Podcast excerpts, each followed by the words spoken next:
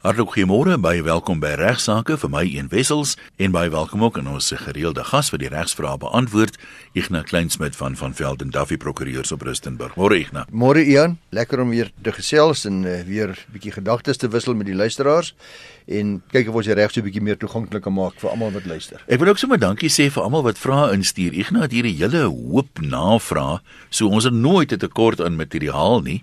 Dis wat die program aan die gang hou, jy weet, ek meen jy gebruik die navraag maar gewoonlik as aanknopingspunt by hofsaake en by nuwe wetgewing en wendings en so aan wat vir mense belangrik is. So baie dankie daarvoor. Ja, ek stem 100% saam. Een baie dankie daarvoor en meeste van die luisteraars wat vra instuur, doen dit op die regte manier. Die die soort van sielkunde wat hulle toepas is om eers vir ons te vertel hoe wonderlik ons is en nou oulik die program is en dan vra hulle vir ons hulle sal help. Maar baie dankie ook daarvoor. Dan ja, net een ander ding. Ek het nou weer uh, Vrydag het ek weer twee oproepe gehad van luisteraars wat direk inskakel na my kantoor toe. Uh, hulle kry nou seker maar die nommer deur op die foongids in te gaan en dan wil hulle nou net vinnig ietsie weet, net vinnig uh. advies hê. Nou, ek wil net weer sê enige prokureur wat telefonies advies gee is 'n dwaas. Dis geweldig gevaarlik. Mense het 'n behoorlike konsultasie, 'n oog tot oog konsultasie nodig. Daar's 'n klomp vrae wat gevra moet word. Daar is nie so iets soos 'n vinnige kits antwoord amper daagliks moet ek uh, mense wat op een of ander slim manier deurkom, moet ek dan onbeskof mee wees en hulle sê jammer, ek kan u nie help nie, ek gaan u nie help nie. Gaan sien asseblief u eie prokureur in u eie gebied. Die probleem met hierdie goed is mense is mense, maar mense besef dit nie altyd nie. Jy mag nou uit die beste bedoelings vir iemand raad gee, die kort antwoord, maar dan gaan doen daai ou dit uit 'n paar goed nie aan jou geopenbaar nie. En nou is daar moeilikheid en dan is dit nooit hy wat nagelaat en op vir Ignas te sien en dan dit maar Ignas so gesê en kyk waar sit ek nou. Nee, presies Jan, dis die rede is nie omdat ons nie graag wil help nie, dis omdat dit te gevaarlik is om advies te gee sonder dat jy al die feite behoorlik het en die volledige agtergrond het. Die tweede ding wat gereeld gebeur deur baie navraers is dat is duidelik uit die skrywe dat hulle reeds by 'n ander prokureur is. Uh, ons etiese reëls as prokureurs uh, maak daarvoor voorsiening dat jy nie 'n tweede opinie kan gee sonder die toestemming van jou kollega nie. En dis weer eens nie om moeilik te wees nie, of nie om geld te maak nie. Dit gaan daaroor dat jy met al die feite tot jou beskikking het. Daar's net so volledige leer. Daar's aspekte wat jy nie van bewus is nie en dit sal uiters arrogant en uh, onregverdig wees en ook gevaarlik wees om uit die heup uit advies te gee terwyl jy nie die voordeel het van 'n volledige leer nie. Soms kom jy net nie oor die weg met iemand nie. Jy klik net nie. So as jy nou by 'n prokureur was en is hier in die beginstadium, jy sien maar jy het nie vertroue in hierdie ou om een of ander rede nie, dan kan jy ook sy mandaat beëindig Jy het nou nie verdere instruksies met namens my op te tree nie en nou gaan jy na 'n ander prokureur toe. Moet hy dan vir jou daai leer gee met die inligting of wat is jou regte dan? Ja, Ian, 100% eh, reg. Jy kan met jy kan die mandaat beëindig wanneer u daar vertrouensbreuk is of watter rede ook al. Mense wat na my toe kom en sê dat hulle wil graag hê ek moet 'n uh, leer oorneem, sal ek altyd eers baie seker wil maak dat hulle dit vir die regte redes doen dat dit werklik is dat die prokureur nie behoorlik gepresteer het nie. Heel dikwels is dit 'n kwessie van frustrasies met die hofprosedure of met die teenparty wat vertragingstaktiek ja, uitoefen. Nou so mens vat nie maklike tweedehandse saak nie, maar dis wel moontlik en wanneer dit wel gebeur soos jy sê, uh, sal u moet betaal u rekening tot op datum by die vorige prokureur en hy is dan verplig sodra as jy rekening betaal is om sy leer te oorhandig. Mens hoor ook soms van hoë profiel sake, praat nou van strafsaake met waar advokate betrokke is, dat op 'n stadium tydens die verhoor dan beëindig iemand die dienste van die advokaat en kry 'n ander advokaat. So dit is daai beginsel geld vir advokate en daai tipe sake ook. Ja, absoluut. En uh, dikwels wanneer mense hoor dat 'n advokaat of 'n prokureur nie meer 'n mandaat het nie, is daar sekere vermoedens. Wonder altyd hoekom? En dikwels is dit een van twee dinge. Die een is of daar word nie finansiële voorsiening gemaak vir die advokaat of prokureur se rekening nie, of alternatiefelik dat die kliënt nie bereid is om die advies te aanvaar van die advokaat en of prokureur nie. Met ander woorde, hy's nie bereid om die advies te aanvaar nie. Hy weet beter as ek. En 'n derde moontlikheid is dat hy sekere feite aan my geopenbaar het wat dit vir my onmoontlik maak om op 'n sekere wyse verder namens hom op te tree en om te verdedig in 'n strafsaak eh, terwyl hy vind dit van my verlang. Hmm. Nou eh, dan is dit beter om liewers uh, na 'n ander prokureur toe te gaan wat dan nie dieselfde beperkings het en uh, dieselfde bagasie het wat hy dan saamdra nie. Ek sal geen risiko's wat by professionele waardigheid of reputasie betref, my professionele etiek hoor geen prokureur risiko's te loop ter wille van 'n kliënt wat dit nie begryp nie. Een ding wat mense ook net 'n gedagte moet hou, as jy dan nou 'n ander regsverteenwoordiger bekom en jou oogmerk is om geld te spaar, die nuwe regsverteenwoordiger gaan dikwels eers moet eh, die getuienis deurlees, wat is nou al getuig, waar staan die saak, so sy voorbereiding gaan dikwels addisionele koste verg. Jy weet, jou huidige advokaat kan miskien vandag voortgaan met die verrigtinge, maar as jy nuwe een aanstel, gaan hy 'n paar uur neem om homself op hoogte te bring met wat is die stand van sake, wat ekstra koste gaan meebring. Dis nou maar tyd is geld. Heeltemal korrek. Ian eh, geen twyfel daaroor nie. Dan dis wat ook die rede waarom ek dikwels eers my bes probeer om seker te maak dat die kliënt uh, nie vir verkeerde redes sy mandaat beëindig by sy huidige sy of haar huidige prokureur nie. Nou maar, wat het ons op ons hofrol hierso vandag? Ek wil praat oor luisteraars bietjie adviseer oor wanneer sal my rekord vir enige kriminele oortreding van my naam af wees. Ek het 'n skrywe ontvang van 'n dametjie van Boksburg. Sy skryf dat sy is 'n jong dame op 22 jarige ouderdom in 2001 skuldig bevind is aan winkeldiefstal. Dit was slegs 'n bra en 'n broekie en was sy gefonnis tot R600 boete waarvan R300 opgeskort was vir 'n paar jaar. Sy het nou onlangs in die begin van 2017 aansoek gedoen vir 'n werk by die poskantoor en sy is meegedeel dat sy wel die werk sou kry. Sy was baie bly maar sy het pas verneem dat haar werksaansoek nou misluk het het die poskantoor haar laat weet dat hulle vasgestel het dat sy nie haar vorige kriminele oortreding van winkeldiefstal openbaar het nie. Onthou sy was skuldig bevind aan winkeldiefstal in 2001, ja, 16, 16 jaar, jaar 16 jaar gelede. Sy wil dan weet hoe sy kan maak om haar oortreding van haar naam te verwyder en of dit dan vir altyd teen haar naam gebruik kan word. Ek het artikel 271B van die strafproseswet vir die gereelde luisteraars 'n tyd gelede, miskien verlede jaar of iewers ook reeds bespreek en ek het ook 'n uh, eh, onlangs gesien dat daar 'n nuusbrief was van die bekende prokureurs Blykbester in 'n wet in Jordaan wat so gaaf was om dit ook vir my te stuur. 'n Soortgelyke vraag word daardeur hulle op 'n uitstekende wyse beantwoord. Net ons 'n bietjie dan met hulle kalwers ploeg, want ek is nie 'n strafregspesialis nie en ek kan nie meer onthou wat die vorige antwoord presies was nie. Hulle sê dat 'n kriminele rekord kan geskraap word van die rekords van die kriminele rekordsentrum. Dis jou sogenaamde SAP 69 wat 'n eensetting is van al jou vorige veroordeling. Hulle sê dit kan geskraap word van daardie formele rekord af nadat 'n tydperk van 10 jaar sedert die datum van skuldbevinding vir daardie oortreding verloop het, tensy die oortreder nie 'n ander oortreding begaan het en nie gefonnis word vir tronkstraf sonder die opsie van 'n boete tydens die 10 jaar na sodanige skuldbevinding en vonnis nie. So, om op te som, ja, na 10 jaar kan jy dit verwyder, laat verwyder, Maar as jy binne die afgelope 10 jaar wel 'n ander oortreding gepleeg het. Uh, jy moet skoon wees vir 10 jaar as ja, enige effek. Ja, 'n ander oortreding moes 'n redelike ernstige oortreding wees, want dit moes wees waar daar nie 'n opsie van 'n boete was nie. Dan op die veronderstelling dus dat ons luisteraar nie weer oortree het nie en nie weer tronkstraf gekry het vir enige ander oortreding nie, sedert uh, haar winkeldiefstal nie, kan sy dus die rekord skoon laat maak. Hoe maak mens as jy dit wil Goed. doen? So 'n verwydering van die kriminele rekord is in lyn met die beginsel van herstellende geregtigheid uh, is vasgelê in ons regstelsel en dit bied aan oortreders dus 'n tweede kans en dit word bepaal in die artikel 271D D vir Dani waarna ek reeds verwys het is die artikel van die strafproseswet 51 van 1977 dit bepaal dan hierdie hele proses om so skrapping te bewerkstellig eon om jou vraag te beantwoord eerstens sal artikel 271A tot C bepaal watter soort skuldbevindings en fondse wel kwalifiseer Verskrapping was baie wyd, dis die meeste. Dis duidelik dat die winkeldiefstal ook kwalifiseer want dit hou verband met 'n vonnis waar daar slegs 'n boete was van nie meer as 200 000 rand nie. Dis dis dis die vonnis wat dan geskraap kan word. Miskien moet ek tog maar die proses net baie vinnig noem. Jy gaan na 'n polisiestasie om 'n klaringsertifikaat te bekom wat wys dat 'n tydperk van 10 jaar na skuldbevinding en vonnis reeds verloop het. Sodra so 'n sertifikaat by die SAP verkry is, dan moet jy sekere aansoekvorms voltooi en invul uh wat op die internet bekombaar is. Daar's verskillende vorms afhangende van die tipe skuldbevinding en vonnis wat jy gekry het. Verskil van mekaar. Derdens, sodra jy die aansoekvorm voltooi het, moet dit gestuur word aan die direkteur-generaal van Justisie en grondwetlike ontwikkeling. So departement Justisie en grondwetlike ontwikkeling se direkteur-generaal uh, hy sal dan bepaal of jy voldoen aan die kriteria vir die skrapping van daardie kriminele rekord en uh, die skrappingssertifikaat sal dan aan die hoof van die kriminele rekordsentrum van die SAP gestuur word met die opdrag om daardie oortreding van jou rekord af te haal. Sodra so 'n sertifikaat dan ontvang is, dan moet die kriminele rekordsentrum die rekord uh, dienooreenkomstig skrap en laastens om dit te bevestig, sal jy dan eers 'n geskrewe versoek aan die hoof van die kriminele rekordsentrum moet rig wat dit aan jou dan sal kan bevestig. Dit sê jy kan gebruik daardie skrywe om te sê dit ek het ek dit ek het nie meer kriminele rekord nie. So soos jy sal hoor luisteraars is maar 'n redelike lang proses.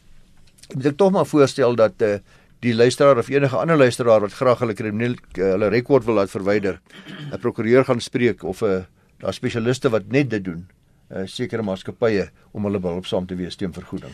Ek kan my indink die gemiddelde luisteraar se eerste gedagte is helaas is die die staat en sy organe nou nie bekend vir verskriklik vinnige administrasie prosedures nie so hierdie lyk nogal soos 'n bergie om te oorkom in terme van tyd en wag en jy het mens hoor so baie van mense wat sê ek het nou geskryf maar ek het nou nog niks gehoor nie ja jy weet ja. en nou wag ons verder so Uh, dis dikwels maar die moeite werd. Ek dink die mense wat dit professioneel doen, ken soms iemand wat hulle direk kan nader of wat hulle al 'n verhouding mee opgebou het en weet hierdie persoon kan die, die ding bespoedig of jy gaan dit ten minste regkry daar.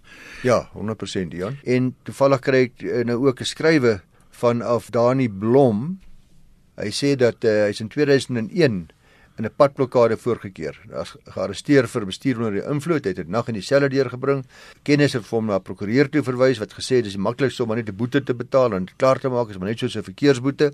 En hy sê hy het toe die boete betaal, 1000 rand boete. Hy sê groot was my verbasing in 2004 toe die polisie 'n kluisinspeksie by my kom doen vir my heraansoek van my vuurwapenlisensie en my mededeel het ek 'n vals verklaring op die aansoek gedoen het rakende enige misdaadgeskiedenis. Hy sê die polisiebeampte het aan my verduidelik dat die oortreding wel 'n kriminele rekord is. Dis nou die dronk bestuur van destyds of bestuur terwyl my bloedalkoholpersentasie meer is as 'n sekere persentasie. Ek het toe nooit weer dit verswyg nie en altyd dit maar 'n versekeringsaansoeke aangebring op mediese fondse aansoeke, vuurwapenlisensie aansoeke ensovoorts. Ek dink in 2014 het ek na 'n program van jou geluister wat jy die prosedure verduidelik het om gevolg artikel 271D aansoek te doen om die rekord te skrap. Ek het toe 'n maatskappy, noem die naam van die maatskappy genader wat spesialiseer hierin. Hulle het my teen 'n fooi, gee ook die redelike fooi hierso, gehelp om die rekord te skrap. Nou, aangesien die SA aangeheg sê vir my, nee, ek het daarna gekyk, is 'n SAP 21 wat die waar die polisie bevestig dat daardie rekord van hom geskrap is en nie meer bestaan nie.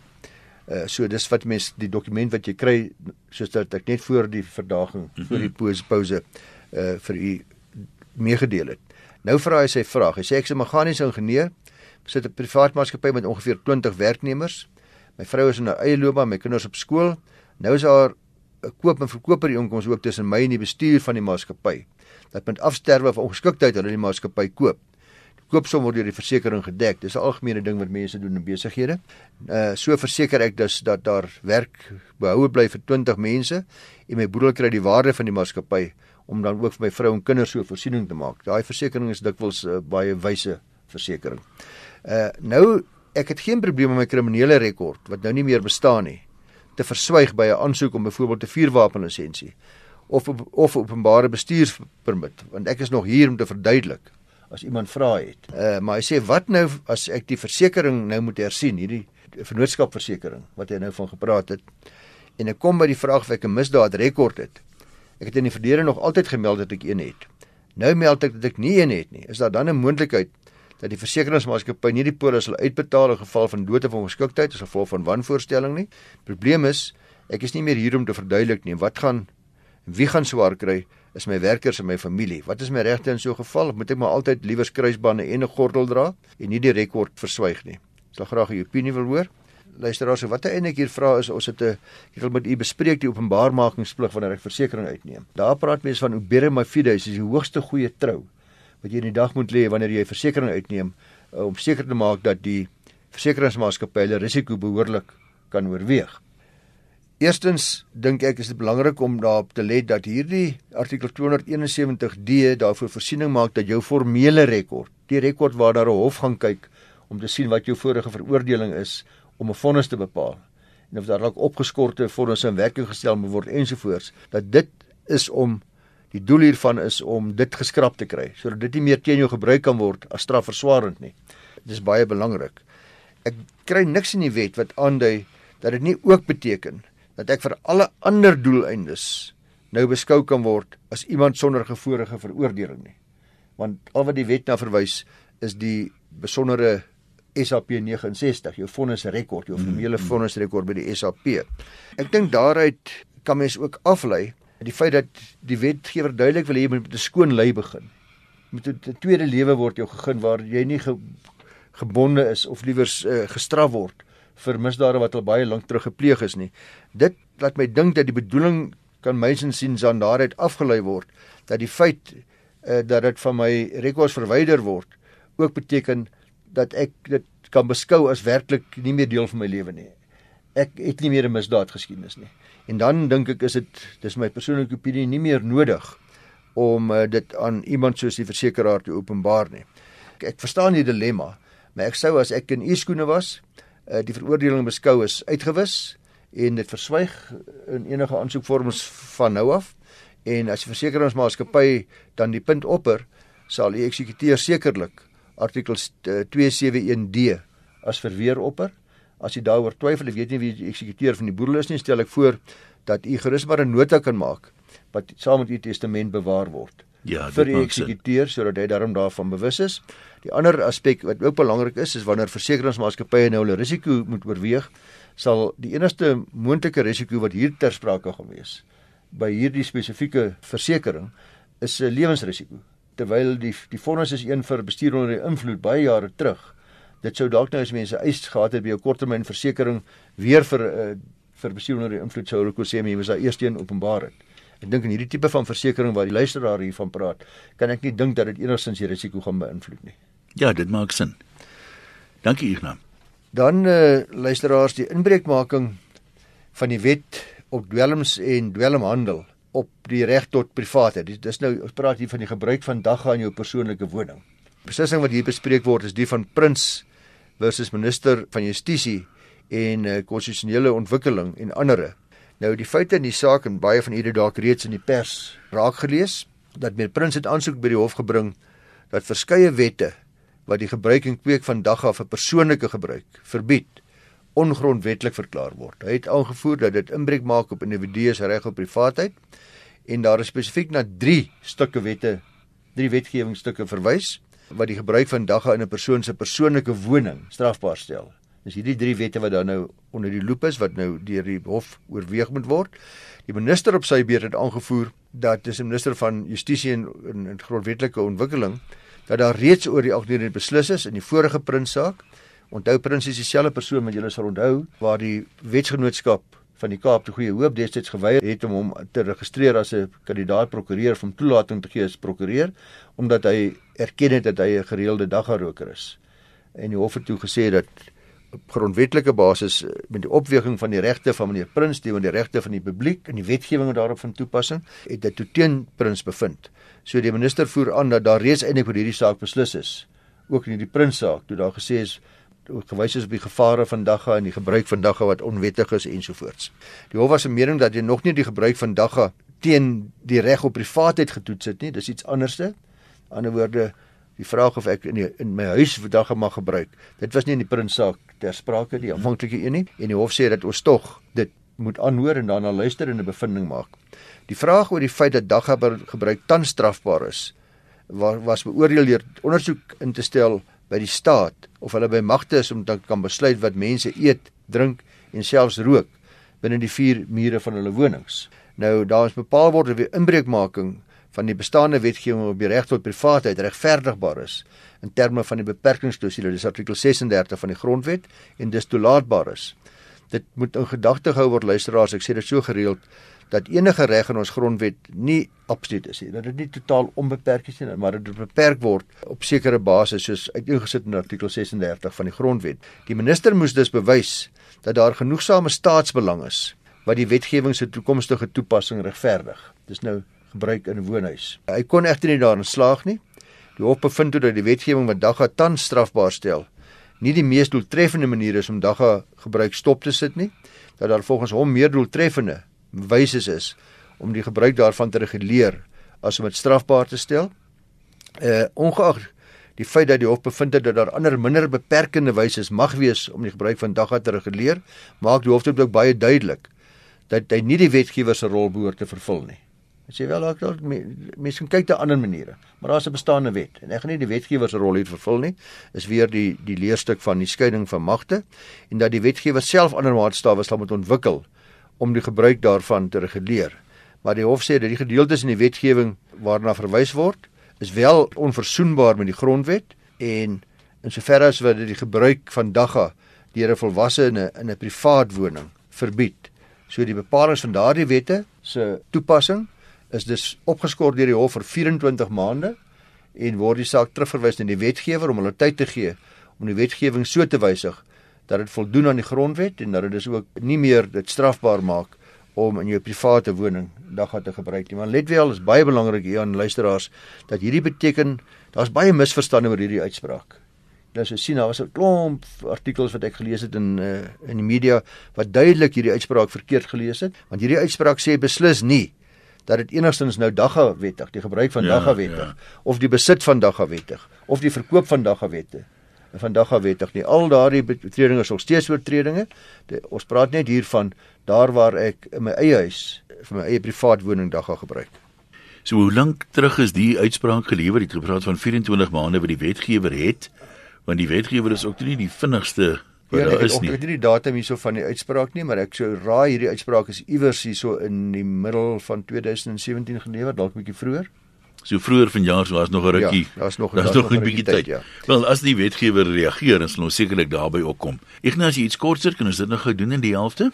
Ek kan miskien net weer sê ek het die opskrif hierso my eie notas gemaak wat sê ai tog die polisie betaal alweer. Mense is al moedeloos om te hoor daarvan. Want as die polisie betaal, betaal ons. Ja, dis waar. Die belastingbetaler wat betaal. In Suid-Afrika is dit nou alledaags om te lees van eise wat slaag teen polisiebeamptes of die betrokke ministerie waar daar in sommige gevalle deur die wetstoepassers soos bullebakke ook opgetree word. Nou ek merk in die pers onlangs dat 'n Pretoriaaner het skadevergoeding gekry van 100 000 rand nadat hy nadat hy deur 'n polisiebeampte gespoeg en gevloek is. Hy is herhaaldelik deur die beampte die woorde F of toegesnou en volgens die media en die uitspraak van regter Cynthia Pretorius was daar sonder twyfel onnodige aggressie aan die kant van uh, hierdie beampte, hierdie konstabel en onder andere is die eiser is daar bevind dat daar wel meneer Christo Lange die eiser se gesig gespoeg is. Die regter het bevind dat die optrede van die polisie het posttraumatiese stresversteuring, major depressie veroorsaak Gevolglik het hy geslaag met R60000 as algemene skadevergoeding en R40000 vir toekomstige mediese uitgawes. Een ons hoor ook dikwels van identiese tweelinge waar daar identiteitsverwarring is by vriende en my familie en hmm. onderwyseresse en so selfs by huweliksmaats. Ja, gebruik dit word dikwels gebruik om voedsel te bak en daar's baie mooi stories daaroor. Daar's regtig kostelike stories in hierdie verband, maar ondanks het daar iets waarlik gebeur. Dit is dat die polisie het eh, 'n uh, verkeerde tweelingbroer gearresteer. Hulle het hom aangerand en hy's 29 dae aangehou as gevolg waarvan hy kroniese posttraumatiese stresversteuring gekry het.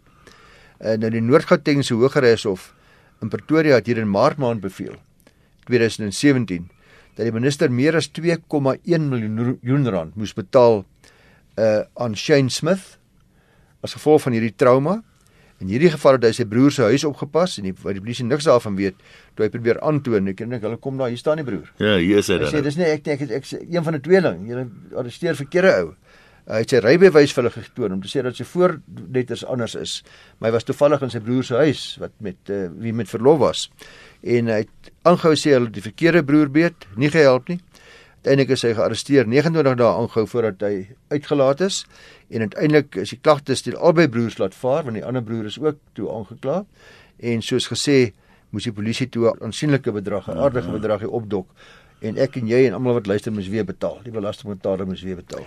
Ek weet in genade edelagbare ons boek met hy luisteraars se humor was daar 'n storie ook van 'n tweeling broers en die een is gefonnis tot gemeenskapsdiens. Hy moes elke naweek gemeenskapsdiens doen maar sy broer het hom toe uitgehelp toe. Hulle sê afwisselend dan een naweek doen hy, ander naweek doen die broer dat hy hom ook so af en toe net kan rugby toe gaan en 'n bietjie braai. Ja.